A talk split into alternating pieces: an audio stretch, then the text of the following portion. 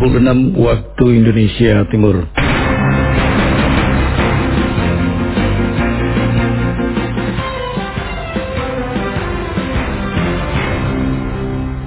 Selamat pagi, Radio Republik Indonesia Fak-Fak menyampaikan warta berita daerah. Sasaran secara keseluruhan yang kita tangani semua kabupaten kota di Papua Barat itu ada 32.317 orang di semua kabupaten kota di Papua Barat. Kemudian untuk Fak-Fak 2034 dalam perlombaan-perlombaan nanti bagaimana setiap tim itu mengorganize kemudian juga melakukan komunikasi, interaksi sehingga akan mendapatkan hasil yang baik.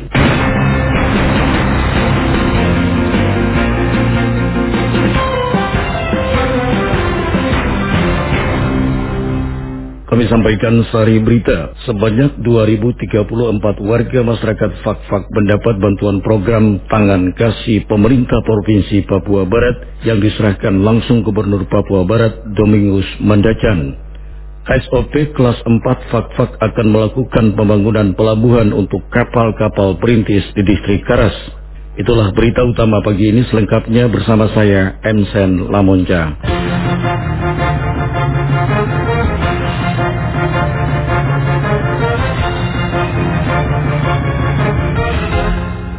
Sebanyak 2.034 warga masyarakat Fak-Fak mendapat bantuan program tangan kasih pemerintah Provinsi Papua Barat yang diserahkan langsung Gubernur Papua Barat Domingus Mandacan. Berikut laporan sengkapnya. Guna meringankan beban hidup masyarakat di masa pandemi COVID-19, pemerintah provinsi terus menyalurkan sejumlah bantuan seperti halnya penyerahan bantuan program tangan kasih Provinsi Papua Barat bagi pekerja sektor formal dan informal di Kabupaten Fakfak yang diserahkan langsung Gubernur Domingus Mandecan di Windertuare. Ketika memberikan arahannya, gubernur mengatakan pemberian bantuan tersebut tidak hanya kepada pekerja formal yang telah di PHK atau dirumahkan, melainkan juga kepada pekerja informal yang merupakan kelompok pekerja mandiri seperti tukang ojek, supir, pedagang sayur, petani atau nelayan, pedagang kelontongan, serta profesi mandiri lainnya program eh, tangan kasih pemerintah Provinsi Papua Barat kepada pekerja formal dan informal yang di ataupun dirumahkan. Nah, informal ini juga ada tukang ojeknya, ada dagang kelontongnya, ya mama-mama yang punya pondok-pondok jualan, ya berdasarkan data yang kami eh, terima melalui dinas tenaga kerja dan transmigrasi di kabupaten kota dengan demikian, dana secara keseluruhan untuk uh, penanganan dampak ekonomi tadi tadi sebesar 58 miliar 170 juta 600 rupiah dengan sasaran secara keseluruhan yang kita tangani semua kabupaten kota di Papua Barat itu ada 32.317 orang di semua kabupaten kota di Papua Barat. Kemudian untuk Papua 2034 orang kita memberikan tiga bulan dalam tahun 2020 ini. Bulan April, Mei, dan Juni. Ini baru hari ini bulan Agustus ya, baru kita serahkan. Jadi total buku tabungan yang nanti diserahkan atau diterima oleh pekerja formal dan formal itu dalam buku itu akan tercatat satu juta delapan ratus ribu rupiah ya, kepada 2034 orang. Ya, kemudian ya tadi saya lupa untuk eh, Bama atau jaringan pengaman sosial tadi ya secara total seluruhnya tadi yang 38 ribuan itu khusus untuk papa ya, khusus gimana ini sama? Yang pertama juga sama tahap kedua ini juga sama melalui lembaga keagamaan ada 5.649 paket. Jadi berdasarkan data untuk Bama ini kita sudah berhitung bahwa di semua kabupaten kota di Papua Barat provinsi bisa menjawab 25 persennya Sementara itu, Bupati Fakfak Muhammad Uswanas dalam sebutannya memberikan apresiasi dan ucapan terima kasih kepada pemerintah Provinsi Papua Barat yang terus memperhatikan dan menyalurkan bantuan-bantuan kepada masyarakat di daerah ini. Saya beri apresiasi dan hormat kepada Bapak Gubernur. Beliau terlalu sering sekali memberi perhatian kepada kita Kabupaten Fakfak. Kehadiran Bapak Gubernur memberikan satu bukti bahwa pemerintah Republik Indonesia memberi perhatian penuh kepada masyarakat di seluruh wilayah Indonesia. Lebih-lebih dalam suasana pandemik corona. Selain itu, ketika menyampaikan laporan Ketua Dewan Kerajinan Nasional Daerah Dekranasda Provinsi Papua Barat Juliana Mandacan mengatakan 25 pengrajin yang ada di Kabupaten Fakfak diberikan stimulus sebesar 1 juta rupiah. Dijelaskan, melalui program Dekranasda Peduli, juga diberikan bantuan 200 paket bapok kepada pengrajin binaan Dekranasda Kabupaten Fakfak melalui program Dewan Kerajinan Nasional Daerah Provinsi Papua Barat Peduli memberikan bantuan stimulus kepada perajin yang terkena dampak COVID-19 sebanyak 25 perajin. Masing-masing perajin mendapatkan dana sebesar 1 juta rupiah.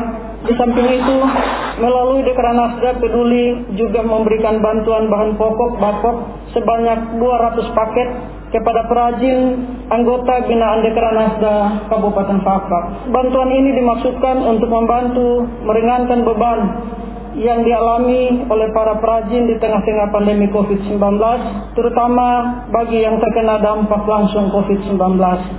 Selanjutnya diharapkan kepada pengurus Dekranasda Kabupaten Fakfak dapat meneruskan bantuan tersebut kepada perajin yang sangat membutuhkan dan setelah menyalurkan agar segera dilaporkan kembali kepada Dekranasda Provinsi Papua Barat. Ketika menyampaikan laporannya, Kepala Dinas Tenaga Kerja dan Transmigrasi Provinsi Papua Barat, Frederick Dolfiano Saidui, yang juga selaku penanggung jawab kegiatan mengatakan, untuk Kabupaten Fakfak yang mendapat bantuan program tangan kasih pemerintah Provinsi Papua Barat sebanyak 2.034 orang dengan total anggaran sebesar 3 miliar 661 juta 200 ribu rupiah yang bersumber dari APBD Provinsi Papua Barat. Keputusan Gubernur Papua Barat nomor 360 miring 117 miring 6 miring 2020 tentang bantuan tunai pasca kerja atau dirumahkan program tangan kasih pemerintah Provinsi Papua Barat kepada pekerja formal dan informal akibat dan dampak pandemi virus corona di Provinsi Papua Barat. Sumber dana APBD tahun 2020 pemerintah Provinsi Papua Barat. Jumlah penerima bantuan untuk 13 kabupaten kota sebanyak 32.317 orang. Dengan total anggaran 58 miliar 170 juta 600 ribu rupiah yang bisa dibantu pemerintah sedangkan untuk jumlah keseluruhan sebanyak 63.648 orang. Khusus untuk Kabupaten Fakfak mendapat kuota 2034 orang dengan jumlah anggaran sebesar 3 miliar 661 juta 200 ribu rupiah. Selain penyerahan stimulus kepada 25 orang, Bapok sebanyak 200 paket kepada pengrajin, serta bantuan program tangan kasih, juga dilakukan penyerahan santunan dari BPJS Ketenagakerjaan kepada ahli waris, sekaligus penyerahan kartu BPJS Ketenagakerjaan kepada penerima bantuan tangan kasih, dan penyerahan simbolis Bapok tahap 2 kepada tokoh agama. Usai pelaksanaan di Windertuare, Gubernur beserta rombongan menuju ke tempat peletakan batu pertama pembangunan Masjid Al-Afdan serta gedung kantor klasis GKI Fakfak. Setelah itu, Gubernur beserta rombongan menuju ke Bandara Udara Torea untuk selanjutnya melakukan perjalanan kembali ke Manokwari menggunakan pesawat Susi Air jenis Cessna. Budi Rasidi melaporkan.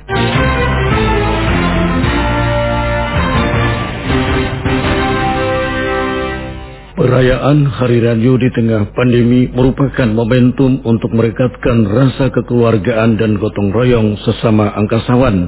Berikut laporannya. Dengan mohon ridho Allah Subhanahu wa taala, Tuhan Yang Maha Esa, secara resmi kegiatan menyambut Hari Radio ke-75 RRI Papak kami buka Saudara peringatan Hari Radio ke-75 di lingkungan LPP RRI Fakfak diawali dengan upacara pembukaan Hari Radio dipimpin Kepala LPP RRI Fakfak Bambang Dwiana kemarin. Pelaksanaan kegiatan Hari Radio L tahun ini berbeda dengan tahun-tahun sebelumnya karena menyesuaikan kondisi pandemi COVID-19 dengan disiplin menerapkan protokol kesehatan. Kepala RRI Fakfak Bambang Dwiana mengungkapkan rangkaian kegiatan yang akan dilaksanakan diharapkan dapat mendekatkan rasa persaudaraan antar angkasawan-angkasawati di lingkungan RRI Fakfak. Menurut Bambang, di tengah pandemi COVID-19 ini, rangkaian kegiatan dilakukan dengan tetap mengedepankan kesederhanaan dengan harapan dapat meningkatkan rasa persaudaraan antar karyawan-karyawati dalam meningkatkan kinerja di tengah pandemi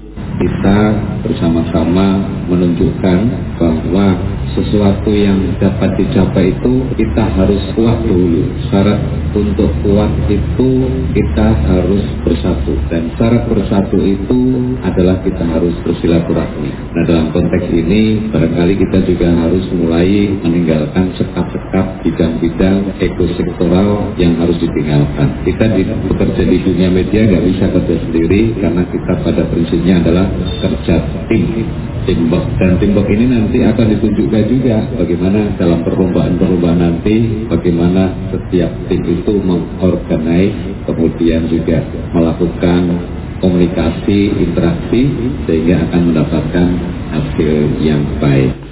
Sementara Ketua Panitia Hari Radio, Edwin Joyo menyebutkan, memeriahkan momentum ini, beberapa agenda kegiatan akan dilaksanakan, yakni lomba dan pertandingan, anjang sana, dan pada 10 September mendatang dilakukan siara ke Taman Makam Pahlawan, dan pada puncak peringatan 11 September dilakukan upacara bendera dan penyulutan obor Tri Prasetya. Adapun lomba dan kegiatan yang kita selenggarakan tahun ini hanya melibatkan internal kantor saja. Lomba dan pertandingan yang akan kita selenggarakan yaitu salah satunya estafet tepung, lomba joget menggunakan atribut atribut perjuangan, lomba karaoke, lomba TikTok dan tenis meja. Kalau untuk anak-anak ada juga pada tanggal 8 September 2020 kita akan melakukan kegiatan anjang sana. Uh, setelah itu tanggal 10 Agustus 2020 kita akan melaksanakan upacara di Taman Makam Pahlawan sekaligus ziarah ke makam Angkasawan Angkasawati RRI dan dan puncak kegiatannya yaitu pada hari Jumat tanggal 11 September 2020 yaitu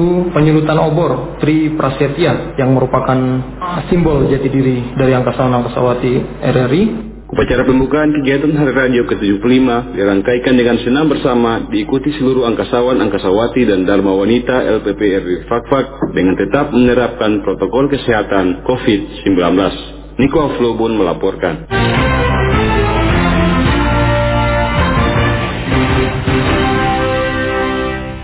Gubernur Papua Barat Domingus Mandacan secara resmi meletakkan batu pertama Masjid Al-Afdan Fakfak yang berlokasi di areal Pasar Ikan Tanjung Wagom. Ketika memberikan sambutan, Gubernur mengatakan pemerintah Papua Barat dalam programnya mendukung kegiatan keagamaan termasuk pembangunan tempat ibadah sesuai kemampuan keuangan daerah. Peletakan pembangunan Masjid Al-Afdan merupakan hal penting karena gedung masjid merupakan sarana yang paling penting dalam melaksanakan tugas dan tanggung jawab sebagai orang-orang percaya baik untuk beribadah bahkan untuk melayani umat. Peletakan batu pertama pembangunan Masjid Al-Afdan merupakan hal penting karena gedung masjid merupakan sarana yang paling penting di dalam melaksanakan tugas dan tanggung jawab kita sebagai orang-orang percaya baik untuk beribadah dan bahkan untuk melayani umat sebagai umat yang percaya agar sungguh-sungguh menopang pembangunan gedung masjid ini dengan baik. Hadirin yang saya hormati, dengan peletakan batu pertama pembangunan Masjid Al-Afghan ini kami berharap dapat bermanfaat kepada seluruh umat muslim di Kabupaten Fakfak dan masjid ini dapat digunakan sebagaimana sarana ibadah yang baik dan layak. Sementara itu, dalam laporannya Sekretaris Panitia Laitang Namudat menyampaikan rasa terima kasih kepada Gubernur yang boleh datang untuk meletakkan batu pertama yang merupakan tanda dimulainya. Menurutnya, walaupun kesiapan yang belum maksimal, tapi dirinya yakin bahwa pelaksanaan pembangunan akan berjalan dengan baik hingga selesai. Dalam acara tersebut juga dilakukan penyerahan surat hibah atau wakaf dari pemilik hak ulayat dari ganti namudat kepada Gubernur Provinsi Papua Barat.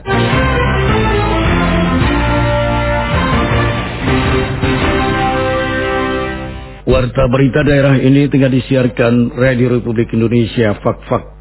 Secara serentak KPU Kabupaten Kaimana mengumumkan tahapan pendaftaran bakal calon kepala daerah dan wakil kepala daerah untuk Kabupaten Kaimana. Laporan Yakob Onwen dari Kaimana. Saudara Komisi Pemilihan Umum Kabupaten Kaimana kemarin secara serentak mengumumkan syarat-syarat pendaftaran calon kepala daerah untuk diketahui publik. Pengumuman pendaftaran dan pencalonan bakal calon kepala daerah dimulai dari hari Jumat 31 Agustus hingga 3 September 2020 mendatang. Sementara untuk pendaftaran akan secara resmi dibuka mulai dari 4 hingga 6 September 2020 pekan depan. Ujar Divisi Teknis Komisioner KPU Kaimana Dominika Hungga Andung dalam jumpa pers yang diselenggarakan di Sekretariat Media Center KPU Jalan Utarung Kaki Air Kecil. Lebih pada eh, tahapan kegiatan tahapan pencalonan khususnya itu eh, tahapan proses pendaftaran. Jadi sebelum tahapan pendaftaran itu ada proses yang KPU juga lakukan. Di antaranya yaitu yang pertama eh, membuat surat keputusan terkait dengan syarat pencalonan yang kita sudah serahkan ke ke DPRD dan ke Bawaslu itu tanggal 26 kemarin. Kedua, sesuai dengan jadwal pengumuman pendaftaran itu dari tanggal 28 sampai dengan tanggal 3 itu pengumuman pendaftaran kita selain lewat media massa juga kita akan eh, tempel berupa baliho di beberapa titik yang bisa dilihat oleh publik. Untuk proses pendaftaran sendiri itu tanggal 4 sampai tanggal 6. Untuk persiapan ke partai politik dalam memenuhi syarat pencalonan dan syarat calon itu juga sudah kita sosialisasi eh, secara umum di kantor dengan mengedepankan protokol kesehatan. Yang berikutnya lagi memaksimalkan pelayanan KPU, kita mobile dari partai ke partai dan itu juga sudah dilakukan beberapa hari yang lalu secara adil, profesional, proporsional dan sangat transparan. Tujuannya selain mengumpulkan mereka kita mobile ke partai supaya kita melihat progres kesiapan dokumen baik substansi dokumennya maupun teknik pengisian form-form sehingga eh, secara pencalonan dan calon dari sisi administrasi itu eh, kesalahan diminimalisir lah paling tidak pada saat pendaftaran itu eh, dari pihak parpol itu sudah eh, melengkapi secara calon. Pada kesempatan itu juga, KPU mengingatkan kepada partai koalisi pengusung bakal pasangan calon saat pendaftaran wajib untuk mendampingi bakal pasangan calon dan tidak diwakilkan. Ya, acuan kita untuk uh, pendaftaran bakal calon oleh partai politik atau gabungan partai politik itu ya Undang-Undang Nomor 10 tahun 2016 16 pasal 40 sangat jelas bahwa uh, pendaftaran pasangan calon bupati calon wakil bupati itu ditandatangani oleh ketua dan sekretaris partai politik. Tidak ada salah satunya ya tidak memenuhi syarat pencalonan. Kemudian misalnya salah satu pengurus tidak ada. Kita bilang ada orang utama yang wajib ditunjukkan kenapa dikerjakan. Saya mungkin itu meninggal, Hingga berita ini diturunkan, soal mekanisme pemeriksaan kesehatan, KPU telah mempercayakan RSUD John Pituanane, sementara persiapan lainnya ditambahkan akan dibuat semeriah mungkin karena kegiatan ini merupakan pesta rakyat.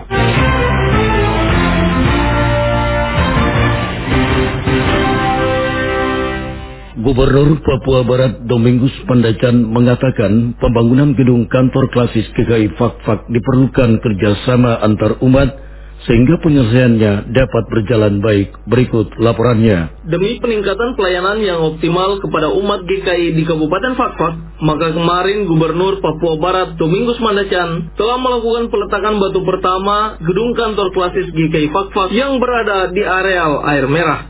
Ketika berbicara di hadapan umat GKI, Gubernur mengatakan, untuk menyelesaikan pembangunan kantor klasis ini, umat perlu bergandeng tangan, sehingga pelaksanaan dapat berjalan lancar hingga penyelesaiannya nanti. Diungkapkan, bantuan yang diberikan pemerintah Provinsi Papua Barat melalui programnya terus disalurkan kepada agama-agama yang ada di Papua Barat. Kita hari ini akan melaksanakan peletakan batu pertama pembangunan kantor klasik GKI Fakfak. Sesuai dengan program dan kebijakan yang ada melalui visi misi pemerintah Provinsi Papua Barat yang membangun dengan hati, mempersatukan dengan kasih kita wujudkan Papua Barat yang aman, sejahtera dan bermartabat Nah, dengan demikian kami telah dari tahun ke tahun memberikan dukungan, memberikan support sesuai dengan program dan kebijakan yang ada, sesuai dengan kemampuan keuangan yang ada, kami alokasikan untuk membantu. Bila itu menjadi tanggung jawab kita semua, baik pemerintah Provinsi Papua Barat, pemerintah Kabupaten Fakfak, Sementara itu, Sekretaris Umum Sinode GKI Papua, Pendeta Daniel Kaigere, dalam sambutannya mengatakan, momen ini merupakan sejarah penting bagi pertumbuhan umat GKI di klasis Fakfak. Menurutnya, dengan dimulainya pembangunan kantor klasis sebagai sebuah momen atau babak baru bagi klasis ini untuk bangkit, memberi motivasi, serta berada di dalam pembaharuan dan pekerjaan-pekerjaan pelayanan kepada masyarakat. Pembangunan kantor klasis yang baru ini kiranya menjadi tanda gerakan dan semangat kebangkitan baru di pantai selatan Papua ini untuk seluruh warga GKI secara khusus di Fakfak yang memotori tiga wilayah besar Kokas dan Kalimana. Kepada Bapak Ibu para pelayan Sinode GKI di Tanah Papua berpesan supaya jadilah penerjemah perubahan yang baik. Saudara wajib menerjemahkan, menjelaskan hal-hal yang terjadi di sekeliling kehidupan umat supaya mereka paham. Kefahaman warga, kefahaman umat ini akan membuat mereka siap menghadapi berbagai perubahan, berbagai hal yang menyangkut dengan pembangunan di sekeliling kehidupan bermasyarakat itu. Pesan yang kedua, Jadilah agen pemersatu, jadilah agen yang selalu hadir menciptakan kebersamaan dan persekutuan ke mana pun saudara pergi dan melakukan tugas-tugas saudara. Saudara harus punya komitmen bahwa DKI hadir untuk memberi dan membangun persekutuan dan kesatuan. Selain itu, Ketua Klasis GKI Fakfak, Pendeta Sofia Kabes ketika memberikan sambutannya mengucapkan terima kasih kepada Gubernur Papua Barat yang telah memberikan motivasi dan bantuan untuk pembangunan kantor klasis dan berbagai pihak yang turut ambil bagian. Ucapan terima kasih kami kepada Bapak Gubernur yang sangat membantu kami dalam pembiayaan untuk pembangunan kantor klasis Fakfak yang baru. Kami akan bergerak bersama sesuai dengan moto klasis Fakfak bangkit, berubah, dan berbuah. Kami akan buktikan dari pantai selatan menuju ke utara. Terima kasih kami kepada Bapak Bupati karena dalam percakapan beliau akan menolong klasis GKI Fakfak juga. Saya tidak usah bilang apa yang beliau mau bantu itu rahasia kami dengan beliau. Terima kasih untuk Bank BRI sebagai mitra dengan GKI yang juga menopang kegiatan ini berlangsung. Terima kasih juga untuk Bank Papua. Terima kasih Bapak untuk apa yang dibuat. Terima kasih untuk Kepala PU Fakfak yang juga memberikan rekomendasi untuk kantor yang nanti berdiri semegah ini. Terima kasih untuk Bapak Abia Ulu yang selalu memfasilitasi kami ketika kami datang ke Manokwari untuk saya bertemu dengan Bapak Gok.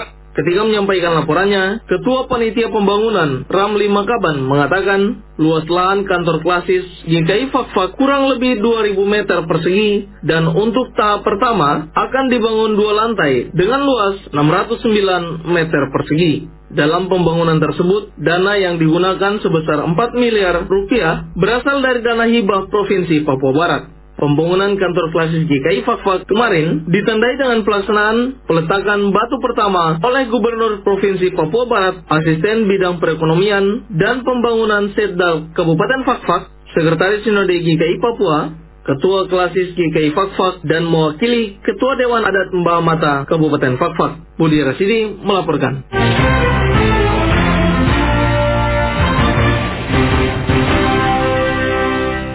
Mulai bulan September tahun 2020, Badan Pusat Statistik BPS Kabupaten Fakfak kembali melaksanakan sensus penduduk 2020. Pelaksanaan sensus penduduk kali ini merupakan sensus penduduk tahap kedua dengan metode wawancara atau melalui tatap muka. Untuk memaksimalkan jalannya sensus penduduk 2020 melalui tatap muka, Kemarin selama dua hari, BPS Kabupaten Fakfak melaksanakan pelatihan petugas sensus penduduk 2020.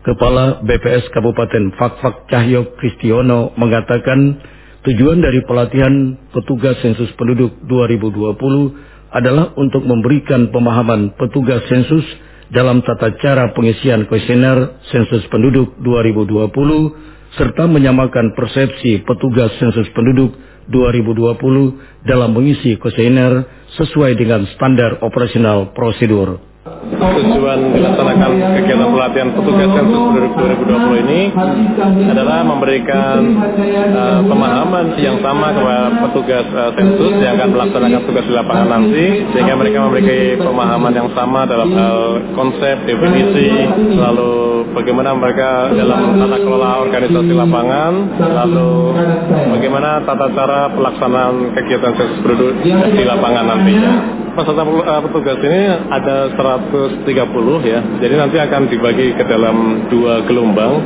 Saat ini masing-masing dibagi dua gitu. Menurut Cahyo Kristiono, tahapan pelaksanaan sensus penduduk 2020 selama bulan September 2020 akan diawali dengan pemeriksaan data penduduk dengan melibatkan pengurus atau ketua SMS, kemudian verifikasi data penduduk, serta melakukan pendataan dengan melakukan wawancara dari rumah ke rumah. Yang menambahkan pelaksanaan sensus penduduk 2020 ini dimaksudkan untuk penyediaan data jumlah, komposisi, distribusi, dan karakteristik penduduk Indonesia menuju satu data kependudukan Indonesia.